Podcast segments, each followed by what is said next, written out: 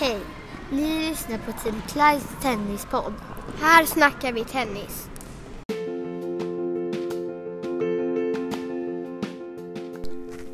Välkomna tillbaka till Team Kleins tennispodd. Här snackar vi tennis. Vi, ni som lyssnar på det här avsnittet har för, förhoppningsvis lyssnat på del 1 med Kjell Enhager som är föreläsare och mental coach samt Magnus Gusten Gustafsson. Det här är i alla fall del 2 där vi fortsätter samtalet från förra veckan. Vi kommer i, det, i, dag, i veckans avsnitt, i dagens avsnitt, att prata bland annat om lite frågeställningar som kan uppstå både för spelare, föräldrar och coacher. Till exempel om man som junior känner en rädsla för att förlora för att man riskerar att bli retad av sina träningskompisar. Vad gör man då? Eh, som förälder om ens barn gråter på tennisbanan, hur agerar man? Jobbar man som coach för att få spelarna att eh, köpa in på den långsiktiga processen eh, framför eh, de kortsiktiga resultaten? Vad gör jag som spelare om min motståndare fuskar? Och hur uppmuntrar man barn till att gilla utmaningar? Ja, intressanta frågor som framförallt Kjell men även Gusten delar med sig av sina erfarenheter kring. Vi startar igång det här samtalet eh, och välkomnar Kjell Enhager och Magnus Gusten Gustafsson.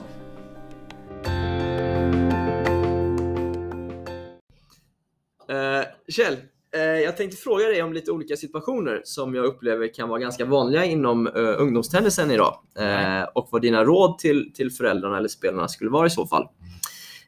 det första scenariot här tänker jag är att om jag som barn känner en press att inte förlora med rädsla för att det är pinsamt gentemot mina träningskompisar till exempel. För den motståndare jag förväntas vinna mot. hur ska jag tänka då? Eh, Jättebra fråga och jag tror den är väldigt, väldigt vanlig i många idrotter. Om jag står och ska spela en match och jag tycker det är pinsamt att förlora inför mina polare, jag bara repeterar mm. Linus så jag hörde rätt. Um, så vad har jag lagt? Vad har jag lagt min motivation är att jag blir motiverad egentligen. Jag vill ju inte göra mm. bort mig istället för att jag vill vinna. Ja. Bara där har ju mitt språk ändrats. Så ifrån att jag vill spela mitt bästa så ska jag helt plötsligt inte göra fel. Ja, exakt. Ja. Ja. När jag nu säger till mig själv, inte göra fel, vilka bilder ser jag? Jag ser alla erfarenheter när jag tidigare gjort bort mig, eller hur? Ja. när jag ser de bilderna, vilka känslor kommer jag känna? Ja, någon form av rädsla, Räd, nervositet. Jättebra. Rädslor, ja. nervositet. Mm. Så nu, redan innan, kommer jag känna rädslor, nervositet. Varför? För jag såg bilden. För jag hamnade utanför mig själv och tänker, jag vill inte göra er besvikna. Mm. Eller jag är rädd att göra er besvikna. Ja, exakt. Vilket gör att jag känner nu, nu alltså rent kemiskt har jag kortisol i kroppen. Ja. Så jag kan inte prata bort det här än. Utan nu har det ju redan hänt. Och då kommer frågan, vad gör jag då? Mm. Det första jag säger är att man bara blir medveten om det här. Att oj, jag var där ute. Jag säger att jag inte ska förlora. Mm. Mm. Vad vill jag då? Uh, ja, jag vill ju vinna. Eller ja, vad tänker du? Om jag hade frågat dig. Ja. Och här står du och säger, jag står bara och tänker jag får inte göra bort mig för de andra. Ja. Ja. Vad hade jag frågat, Linus, vad vill du tänka då?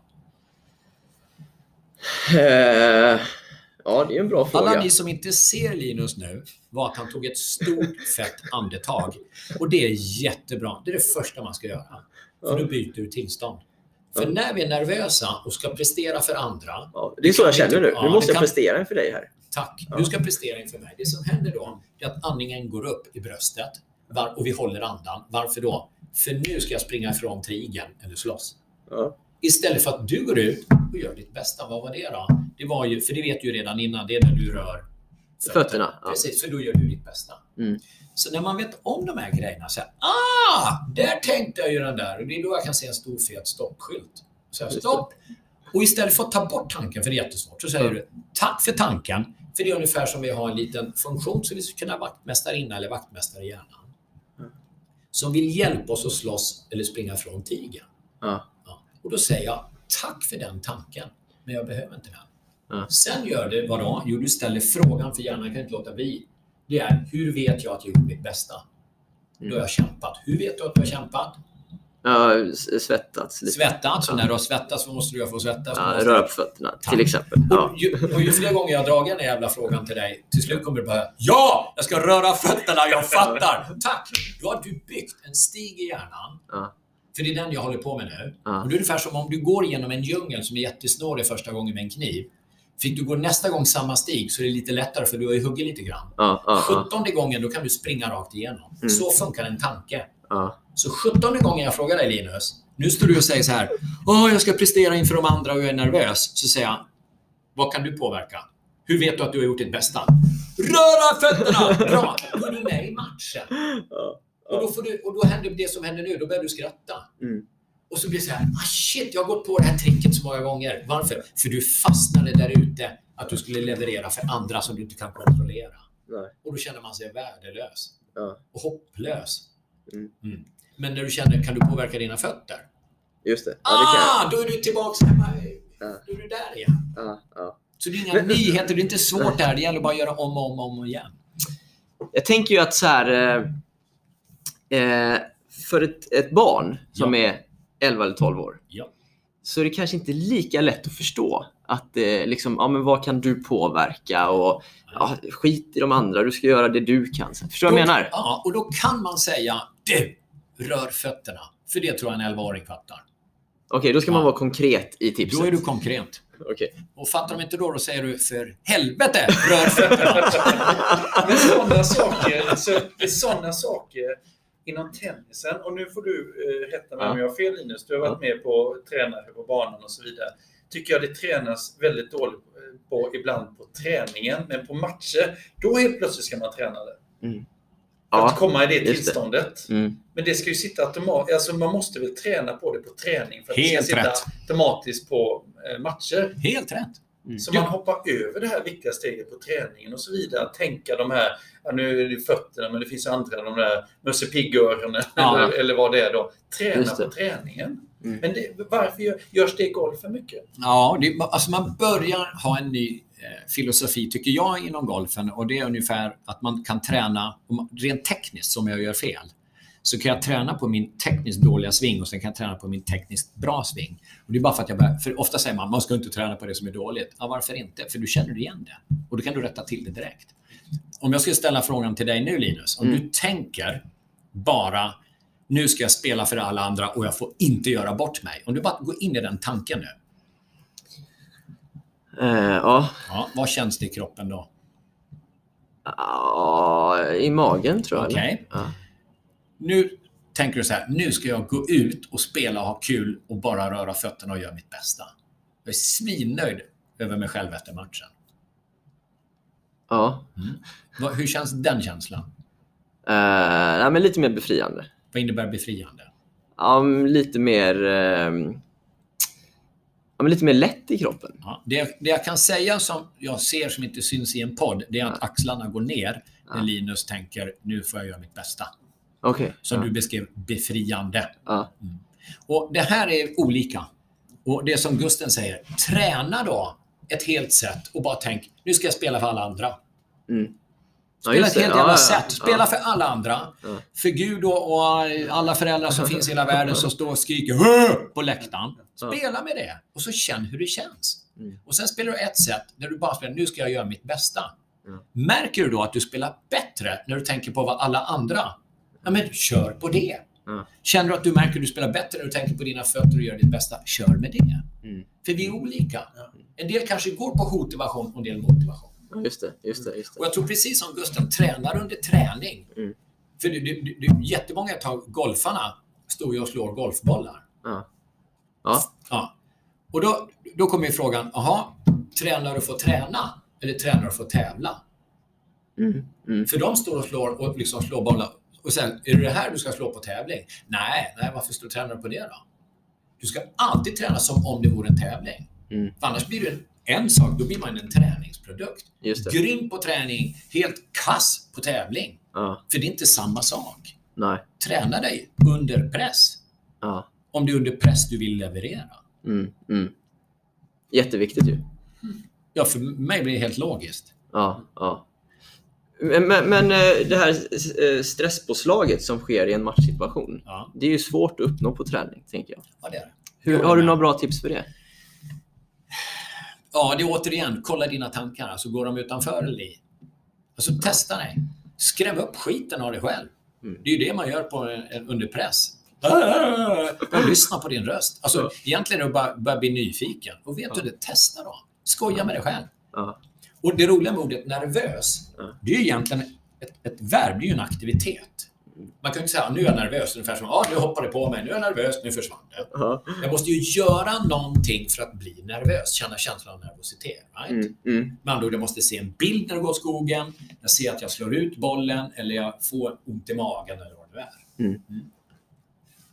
Då är det väldigt intressant. Skulle du kunna bli nervös nu?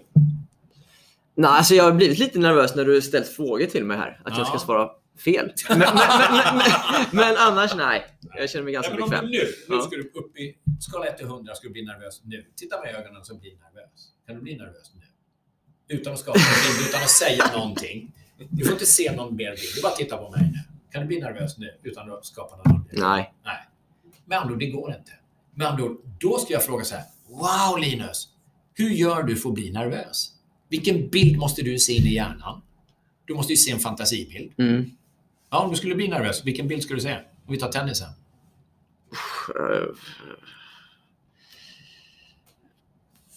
Jag vet fan inte alltså. Nej.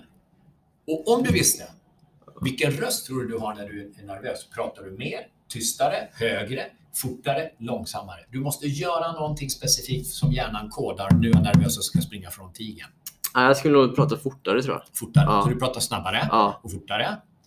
Ser du bilder när det går bra eller mindre bra, tror du? Eller Ja, ser du bilder utifrån läktaren? Eller från andra spelare? Eller genom dina egna ögon? Uh, nej, men jag ser ju när det går, när det blir ett stressat läge. När det börjar gå dåligt i alla fall. Ja, och hur ser du det? Ser du dig jag själv tror, utifrån? ja, jag tror genom utif dina egna- utifrån. Som en jag. filmregissör? Ja, jag tror det. Okej. Om du slår en svinbra forehand, Ja. ser du genom dina egna ögon eller utifrån? Nej, då ser jag nog från mina egna ögon. Åh, titta här! Då vet vi. Då kan vi börja lägga ett pussel. Så när du ska bli nervös, då måste du prata fortare, fort, snabbare. Prata jättelångsamt nu då. Mm. Och så tänk att du ska bli nervös. Och så ser du igenom dina egna ögon. Ska jag göra det nu? Ja, prova. Bara in i huvudet i din fantasi. Du behöver inte prata fysiskt, men bara in i huvudet. Prata långsamt. Och så ser du igenom dina egna ögon. Mm, Var kvar i dig själv. Så ska jag gissa att du har oerhört svårt att bli nervös. mm, mm. Ja, men det stämmer nog. Ja, Med andra ord, din hjärna har lärt sig hur du ska bli nervös. ja. Så det är det liksom... jag menar, när man tränar på de här bitarna. Varför inte... För du, din fråga var så här, det är svårt att komma upp i skarpt läge. Ja. Nu går jag tillbaka till den frågan. Hur du ska göra, det är att du ska träna dig och se dig utifrån och prata fortare med dig själv. Tills du blir medveten, shit, jag pratar ju fort med mig själv. Ja. Jag ser mig utifrån nu. Mm. Tills du är så klar på det och säger Wow, nu är jag där. Vad gör du då? Bara det att du tar ett djupt andetag som du gjorde förut, eller gungar på fötterna, för då är du i kroppen på en gång. Och ser du genom dina egna ögon och så börjar du prata lite långsammare. Och ställer frågan, hur vill jag spela? Jo, jag vill göra mitt bästa. Mm. Ja, jag förstår. Det stämmer så rätt. Ja. Jag såg precis likadant från läktaren när jag spelade dåligt. Ja. Och från mina egna ögon när jag spelade Ja, det bra. var så? Otroligt. Okej. Men du satt chockad och Ja, tittade jag, har på liksom, jag, jag har inte tänkt på det så. Vad det här handlar om, det här heter, den här podden heter Coacha Gusten fast han inte vet om det. Ja, det Ja, var fascinerande. en aha-upplevelse, verkligen. Ja. Det får man någon gång då och då. Det här var en riktig aha-upplevelse. För då kan man ju träna på det. På Ja, träning liksom. Och då är Ja, det exakt. skarpt läge. Ja. ja, det är bra faktiskt. Och när Mycket du vet det, då är du inte rädd för skarpt läge. Ja. Du är inte rädd för, för det vi är rädd för är oftast det okända. Ja. Att vad händer nu när jag är i skarpt läge? Mm. Ja, men du vet ju vad som händer. Det är att jag hamnar utanför och pratar fortare. Ja, ja. Ja, det är skitbra. Ja. Eh, vi tar nästa eh, liksom, lilla scenario här. Eh, om vi, nu är det liksom för en förälders, eh, ur ett föräldraperspektiv. Om mitt barn spelar en tennismatch och det kanske går mindre bra och, och barnet börjar liksom gråta under matchen och he, var helt förtvivlad. Så här. Vad, hur, vad är dina råd då till föräldern? Hur ska man agera? Oj, vad svårt. För det första vill jag nog säga att det är väldigt, väldigt individuellt. Både från vem är barnet och vem är föräldern. Mm. Eh, Jag, jag, jag Akta mig noga för att säga vad som är rätt och fel här, för det kan jag faktiskt inte. Eh, Som förälder själv är jag världens curlare. Jag hade sprungit ner och bara mm, pussa så att jag då blir rädd att ta hand om läskiga känslor. Om barnet själv eh, Ja, jättesvårt att säga. Jag tror att det här är, på lång sikt, så tror jag att det här är väldigt viktigt att tala, prata med barnet innan. Vad gör vi om det händer? Okej. Återigen, jag, tror, jag går till ordet kontroll hela tiden. Eh, det är ungefär som när man har små barn, om jag får berätta en liknelse. Eh, oftast, jag ska ta August, min son, en av mina tre. Men när, han, när, han, när vi gick in i en sån här leksaksaffär, Mm. ja, hur mycket vill han ha där inne? Typ allt. Ja. Och då när man ska köpa, jag glömmer aldrig, vi ska köpa en present eh, till Simon, han skulle på födelsedagskalas. Ja. Ja. Så går vi in i den här affären och jag ser ju då i min fantasi, ja, jag vill ha det och det. Och så säger jag nej och så blir det ett jävla tjafs. Då tänker jag så här, nu ska jag träna August och hålla löften. Mm. Så innan vi går in i den här affären så säger jag, August, den här gången vi går in ska vi bara titta. För nu ska vi köpa present till Simon, inte till dig. Okej? Och då som alla barn som är fyra år säger man, ah, mm. Och säger han, upprepa. Vad sa du? Ja, så, tills han kunde upprepa. För jag vet, har, har inte han upprepat, då, då har han inte lyssnat. Mm. Och då är jag ett helvete i vilket fall. Så det här är för min skull, Mm. till att börja med. Och jag sa, jag kommer inte gå in förrän du har sagt, det är bara till Simon vi ska köpa en present. Jag går inte in. Finns inte en chans jag hade gjort det. Mm. Därför jag var stark. Mm. Han har sagt ja, så går vi in. Tog 17 sekunder. Pappa! Så jag kunde... Så August, kommer du ihåg vad vi lovade där ute? Ja, just det. Jag har aldrig haft ett tjafs med August med en sån här grej. Okej. Nu är han lite äldre. Men i alla fall. Det intressanta är det. Jag tror att om man som förälder har barn som gråter på tennisplan så hade det varit väldigt bra. Hur vill barnet att jag ska agera som förälder? Mm. Om barnet säger pappa, om jag eller mamma, om jag gråter, lämna mig i fred. Eller kom snälla och ge mig en kram. Mm. Eller gör vad som helst. Mm. För tennisen för mig, ursäkta nu, Mm. jag vet att det är det viktigaste i livet för vissa, men för mig är det inte det. Och jag hade sagt, barnet är alltid nummer ett.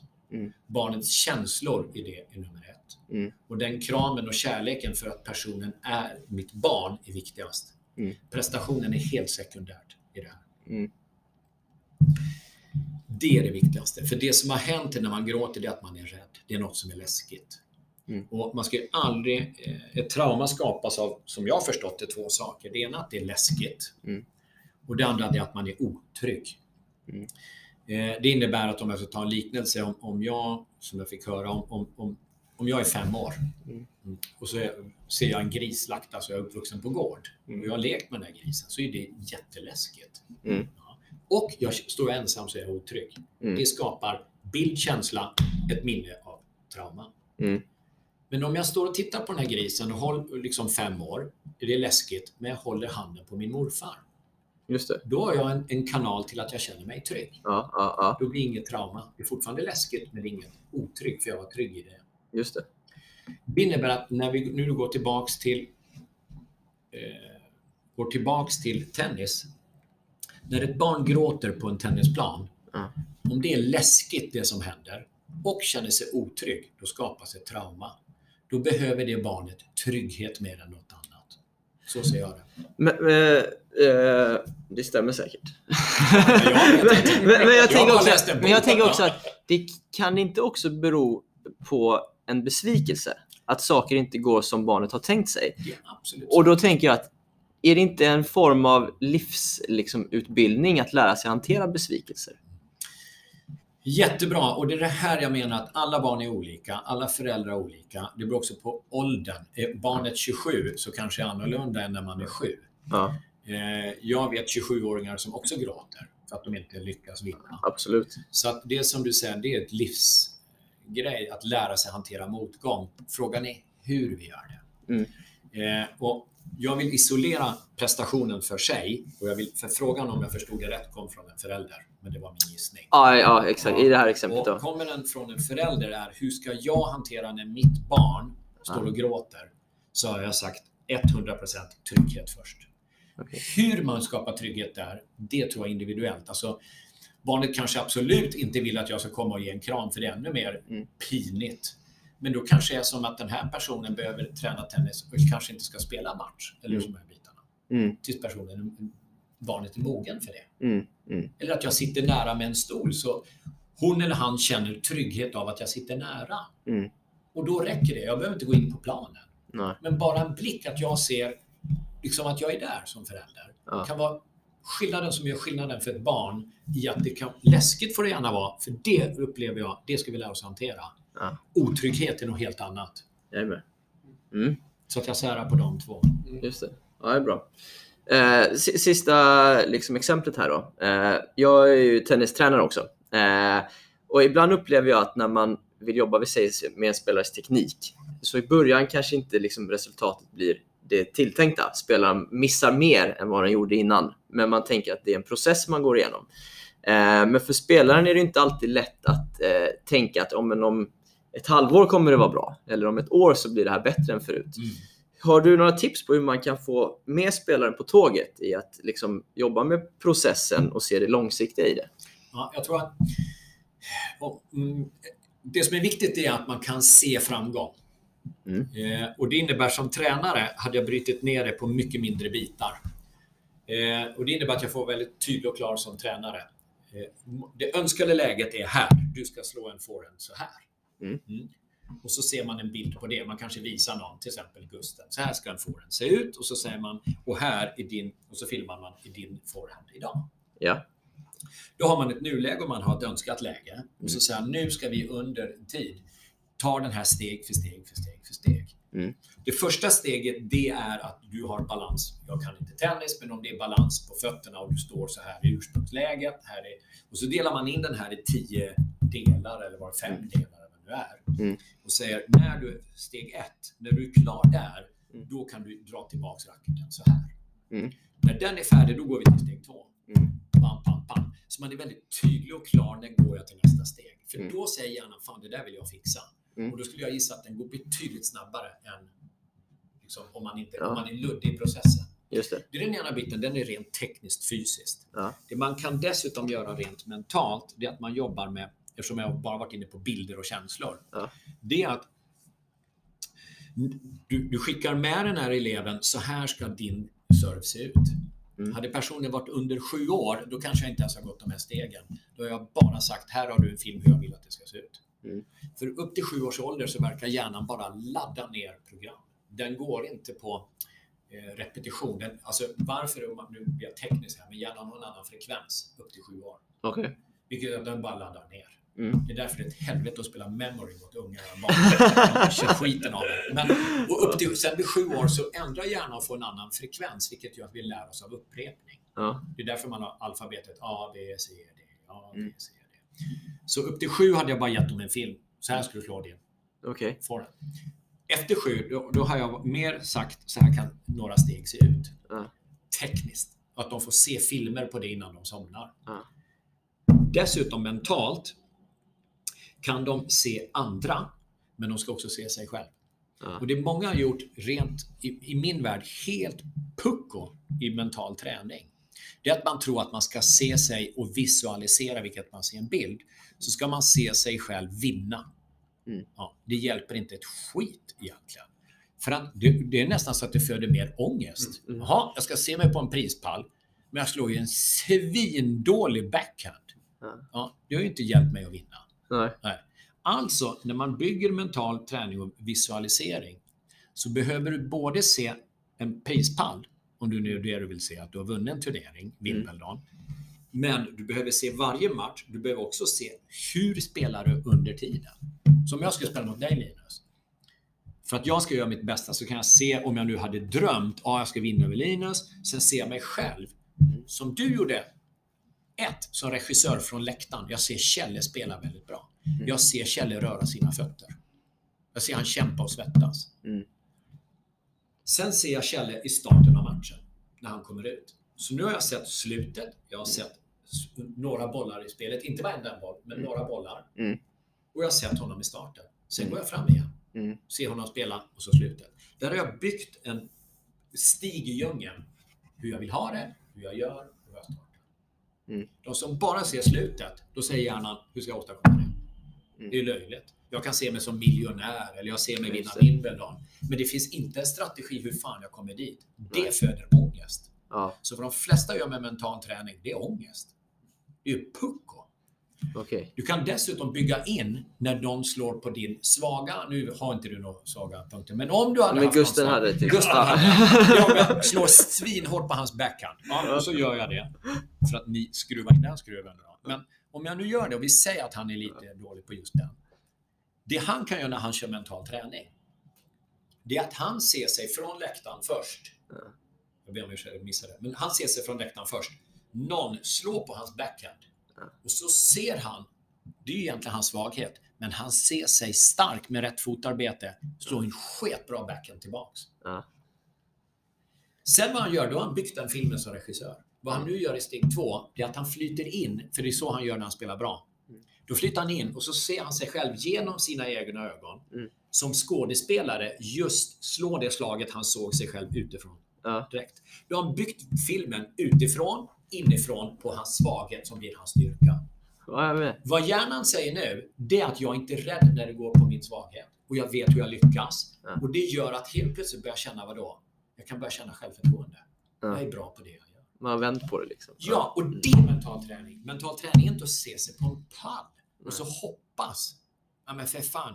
Alltså, do or die, no fucking try. Alltså någonstans, bara se sig hoppas som tyvärr så många har fått lära sig. Mm. Det ger ju... Det här är ju en aktivitet. Du, du låter nästan förtvivlad nu. Ja, för jag har träffat så många som bara har sett sig lyckas och så funkar inte det. Och i min värld, det är ingen skillnad på tennis och livet. Ja, jag vill se mig själv i ett lyckligt parrelation. Ja, har du sett dig själv förbättra dig själv då? Ja. Lyssna mera, bry dig om, vara närvarande, bla bla bla. Eller se mig själv smal. Ja, du kanske borde se hur du gör. Alltså det är processen som är så viktig. För det är där hela belöningssystemet med dopamin ska ligga.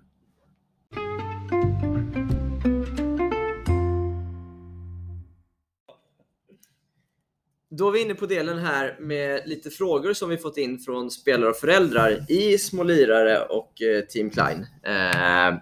Så och jag tänker att här kan ju givetvis du Kjell svara, men även du Gusten kan ju, kan ju sticka in om du, om du har något att komma med. Eh, eh, första frågan. Hur ska ett barn agera om motståndaren fuskar? Gusten, den får du. Vad säger ni där? Jag tycker inte det är så svårt. Var det inte jag som skrev den frågan? Vad har du själv för erfarenhet av det? Nej, jag...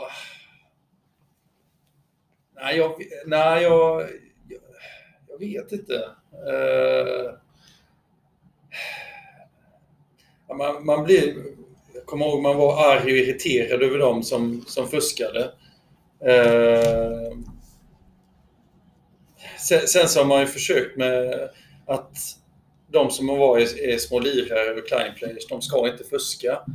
Eh, så att där har ju planen blivit ganska mycket större ibland för dem Ja. än vad det är för motståndaren. Mm.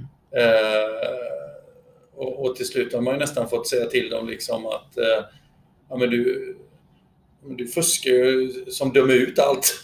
Ja. Eller så, alltså, så, som, som aldrig dömer ut liksom. Nej. så. Eh, men nej, jag, jag, jag vet inte riktigt vad jag ska säga där till, till barnen. Jag tycker det, det är jobbigt när det, när det händer. När man vet liksom att en, om en son eller någon från små lirare ska möta någon som fuskar så, så, man, så jag har lite en dålig känsla ibland. Liksom, både som förälder och ledare. Liksom. Nu kommer det att bli jobbigt för, för barn. Och vilket är fel, så ska det inte vara givetvis. Ja, nu är det intressant att höra vad du säger här Kjelle.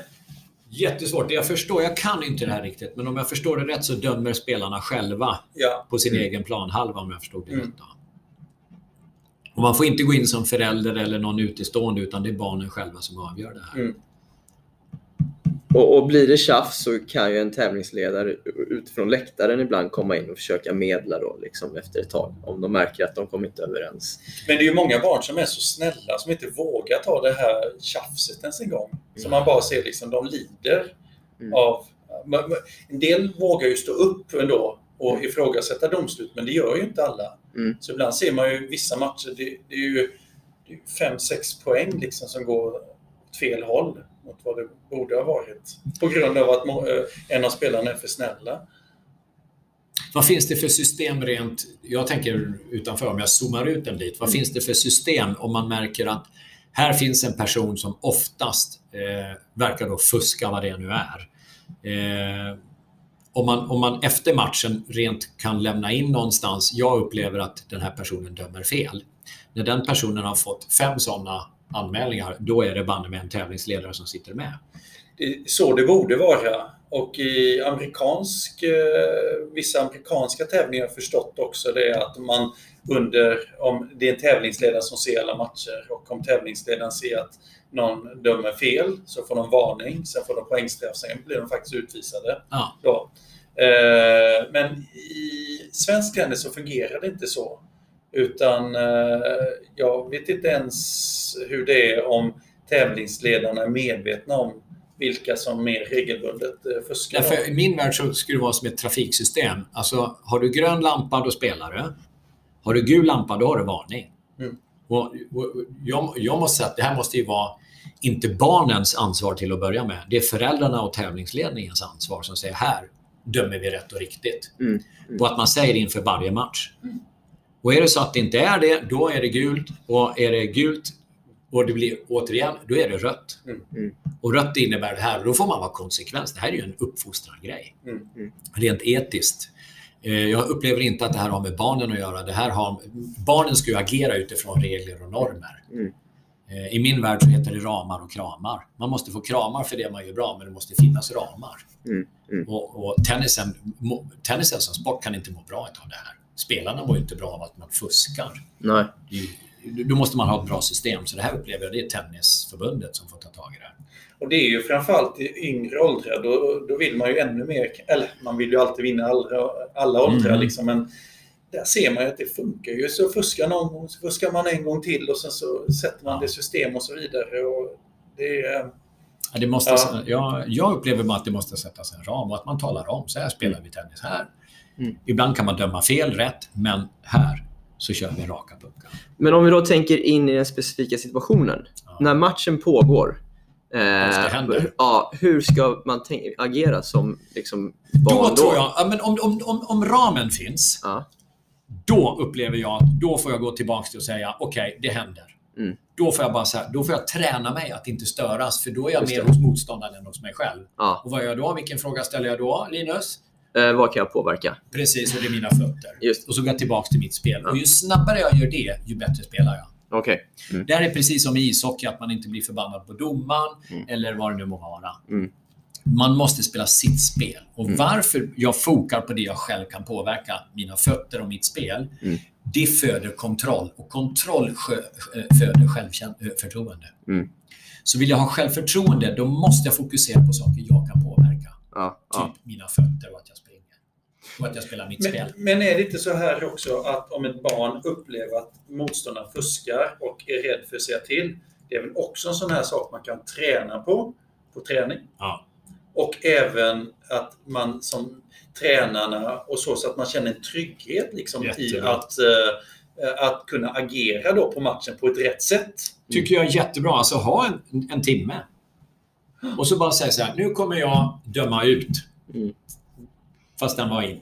Mm, Ja, vad gör ni nu? Då får man torrträna, torrsim. Gå fram till nätet, vad säger du då? Mm. Hur säger du? Säg det högt. Mm. Låt alla få träna. Mm. Jag gjorde det här med golftjejerna eh, vid ett tillfälle. Jag uppfattade att en av tjejerna hade fruktansvärt svårt att, att hålla takttal. Mm. Och då sa jag bara, ah! Då var vi också i Florida på ett annat läge och sa, nu ska vi träna att hålla takttal. Vem har tränat att hålla takttal? Mm. Men det var det som var läskigt för henne. Men istället för att bara peka ut henne var alla tvungna att göra det här. En minut, förbered, vad ska du säga? Mm. För så inte det är läskigt. Men då, jag tror precis som du säger Gusten, om jag tycker det är läskigt att säga jag vill inte ta konflikten, det är inte värt det. Och så maler jag ner i min egen mage och så spelar jag sämre tennis och förlorar för att jag själv inte sa till. Mm. Så det behövs både utifrån från föräldrar, förbund och inifrån hur tränar jag att göra det. Och när det händer, om jag upplever det, så behöver jag dessutom kunna veta hur jag går tillbaka till min egen. Göra mitt bästa. Och det här är lite mer till dig Gusten, så här, men, men sen eh, menar ju vissa att eh, vi i Sverige är lite för snälla ibland. Att det kan vara en form av förberedelse för att tävla utomlands, att faktiskt möta sådana som fuskar lite eller är osportsliga. och att det någonstans behövs i Sverige också för att vara en förberedelse för det som komma skall. Hur tänker du kring det?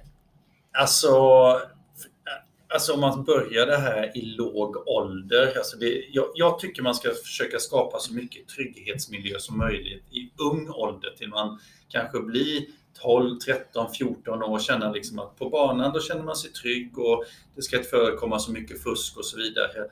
Sen när man är 13-14 år, då har man byggt upp sin både själv, självkänsla och självförtroende, man jobbar i grupp och tillsammans. Då tror jag det är mycket lättare liksom att kunna tackla sådana saker. Mm. Och att när man väl åker utomlands, just det där liksom att man, om man är ute i en grupp och så vidare, känner liksom att vi, är, alltså vi, vi stöttar varandra här. Mm. Eh, och så.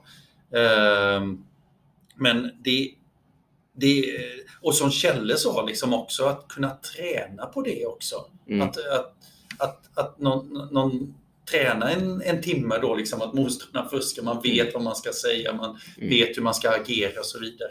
Så Ja. man inte kommer till de här eh, nya situationerna som, som det blir ibland. För man vet ju hur mycket ibland det fuskas. Eh, Ja, precis. Både fuskas och kanske lite så här, man psykas och, Psykas och så nävar vidare. hit och dit och så vidare. Ja. Mm. Men det är just på träning som jag tror man kan komma åt de här tror jag sakerna. är jätte... Alltså det är att vara förberedd på allt tok som kan hända. Mm. Jag tänkte på en gång, eh, inte minst eh, Davis Cup-finalen i Milano, så kommer jag ihåg att det var att om, jag tror det var Magnus Norman som gick ut i första matchen, Mm. så sa man det att när han har matchboll så kommer de att släcka ljuset, Mm. vilket de gjorde. Mm. Och jag tänker, då, då spelar det ju ingen roll om de gör det. Det är nästan så att man tar det på skämt, Mm. för jag var förberedd på det. Mm. Är man inte förberedd, då blir det, vad är det här? Och så kanske jag förlorar. Ja, ja. Och jag blir arg på det. Du har helt fel kemi i kroppen än, ja men det är nästan, kom igen då, släck. Mm. Alltså det blir en annan grej. Mm. Och det är samma med nervös. Här ska det nervösas. Ja.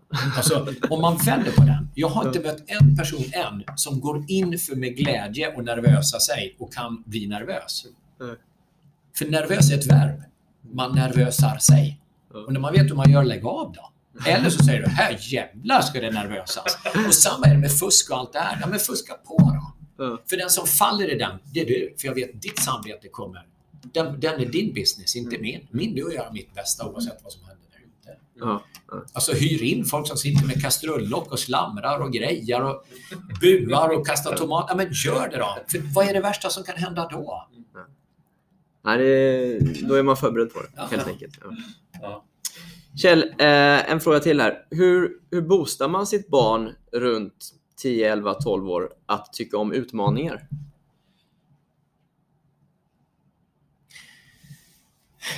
Fråga vad som finns på andra sidan av en utmaning. Alltså om, om, om man gör en, för det första får man fråga vad är en utmaning? Och, och om jag bara lyssnar på ordet så är det ju mana ut. Mana ut ur vad? Det man oftast är komfortabel med. Mm. Om jag vet vad som händer, då är jag ju comfortable. Jag är komfortabel. Så utmaning, då manar jag någon utanför där och det är ju läskigt då. Ja. Och då kan man fråga sig, vad vinner man på det? det och då tror jag man behöver liknelser som barn. Det beror på vilken ålder, men det är ungefär som att cykla. Det är svinäckligt i början att cykla. Ja. Men i och med att jag ser andra cykla så vill jag också cykla. Ja. Och då är jag villig att ta risken att ramla, för jag vill så gärna lyckas. Mm. Det på andra sidan av en utmaning finns en belöning som jag kan. Mm. Och kan jag peka på den om och om, om igen och, och liksom göra den här utmaningen så trygg som möjligt. Mm. Att det är kul. Till och med säga så här, men får jag fråga, hur många försök fick du när du skulle lära att gå? Rätt många, nu minns Ja, jag inte riktigt. nej, men, vi eh, säger, sa dina föräldrar, du får 28, sen ska du fan med, sen, det, sen vad ska grannarna säga? Nej, det är inte 28. Du får hålla på tills det funkar. Ja. Ja, det innebär, som jag tycker är fruktansvärt bra, jag höll en föreläsning uppe i Västerås och efter så kom en kille fram och så säger han, ja, jag är idrottslärare och jag jobbar med speciella barn som har det lite tufft med olika handikapp. Mm. Och så skulle han ha en grupp med unga tjejer. Vad jag förstod, de var inte så himla gamla och han skulle ha dem i simhallen. Mm. Så går han över skolgården till simhallen och så frågar han en av de här tjejerna, kan du simma? Och då svarar hon så här kvart, ja det kan jag. Och han, han blev förvånad och säger så här, va? Kan du simma? Och då stannar hon upp och så säger hon så här, ja, jag kan simma. Jag har inte bara lärt mig än. Och det är så jävla bra. Precis så är det med en utmaning. Om någon har en utmaning och det är tufft. Ja, det är bara, säg bara så här, jag har inte lärt mig.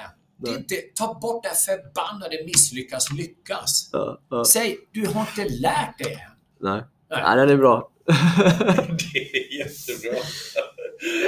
Eh, Gust, Gusten, du jobbar ju också mycket med utmaningar, i- har jag förstått, med små lirare och även i, i Klein Players. Eh, vad, vad, hur, hur gör du för att liksom motivera spelarna till att gilla det?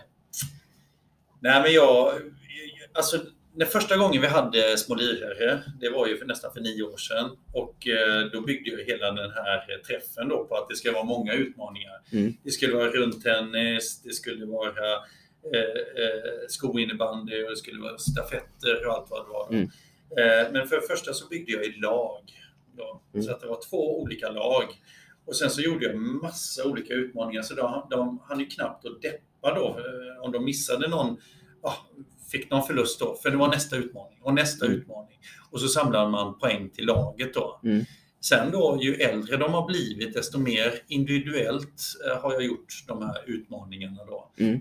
Fortsatt i lag och så vidare då. Eh, men att det, det matcher och, och mer tennisrelaterat och så vidare då liksom. Men Mm. jag, jag tror det där liksom att hitta massa olika utmaningar. Det kan vara frågesport och det kan vara vad som helst liksom. Och Mm. Där man, ja, för det som jag har kommit på, det är ju, eller som, man vet också, liksom, vissa är bättre på en, på en sak och vissa är Mm. bättre på andra saker Mm. och så vidare. Då. Just Men det. också det där liksom att prata mycket med gruppen. Ja. Att, att eh, få dem att förstå eh, allas lika värde, att man respekterar varandra, den här ödmjukheten och så vidare, att de stöttar varandra. Mm. De bästa coacherna, de är bättre coacher än vad jag är, mot varandra i alla fall. Alltså. Mm. Eh, för att om det är någon som ser lite besviken och ledsen ut så, så det, har det ofta varit att någon kommer fram liksom, och klappar på axeln och, och så vidare. Eller på något annat sätt som de inte ens tänker på då. Liksom. Ja. Så att de, det, det- det blir naturligt det där. Ja. Och, och just det där att det gör inget om du misslyckas med utmaningen. Vi älskar det lika mycket ändå. Ja. Det, det är något som, som jag tror bygger mycket på liksom det här snacket innan träningar, efter träningar. Ja. Och, och att eh, ja, man, man, man, man känner som sagt respekten för, för varandra. Ja. Läckert. Jag Eh, vill bara, jag vill bara ge Gusten en komplimang. Alltså det, jag har ju följt dig så många år Gusten och jag tycker det hela det här Team Klein och hela det som, som ni i er grupp har gjort, som jag vet att du, du mycket startade med för många år sedan. Alltså det är så jävla imponerande hur du har byggt utifrån en trygghet och team. Mm. Eh, ödmjukhet som jag upplever, det står väldigt mycket för vem du är i identitet. Så har ni byggt mycket hela kring det. Och, och jag tror att så många skulle må bra av i, de flesta idrotter i Sverige och härma det, det initiativ som du tog för så många år sedan. Så att skapa, att inte bara tennis utan ni spelar runt ping. Så om jag minns rätt spelar ni schack och det var massa sådana grejer, även om ni gör det fortfarande. Mm. På den tiden vet jag att ni gjorde det. Och jag tycker det, det, är alltså, det är genialiskt. Eh, och det är all cred till dig. Jag vet hur, hur oerhört tävlingsmässig du är. Jag har faktiskt spelat Fia med Gusten och det är fan ingen fest kan jag säga. Om man gillar relation. Men där är han, ser så jävla snäll och timid ut Gusten. Men det, är- när man spelar Fia då kommer han. Och det är det här som är att, att du har växlat om och gett med hela hjärtat. Alltså hela tennis-Sverige har ett föredöme i dig där. Och jag vill passa på att ge dig cred för det. Mm. Eh, och jag hoppas att hela Tennisförbundet säger wow och härmar. För att tennis i Sverige skulle må extremt mycket bättre många generationer fram och Mm. ta dina klokskaper till sig. Och era, för jag vet att ni är team.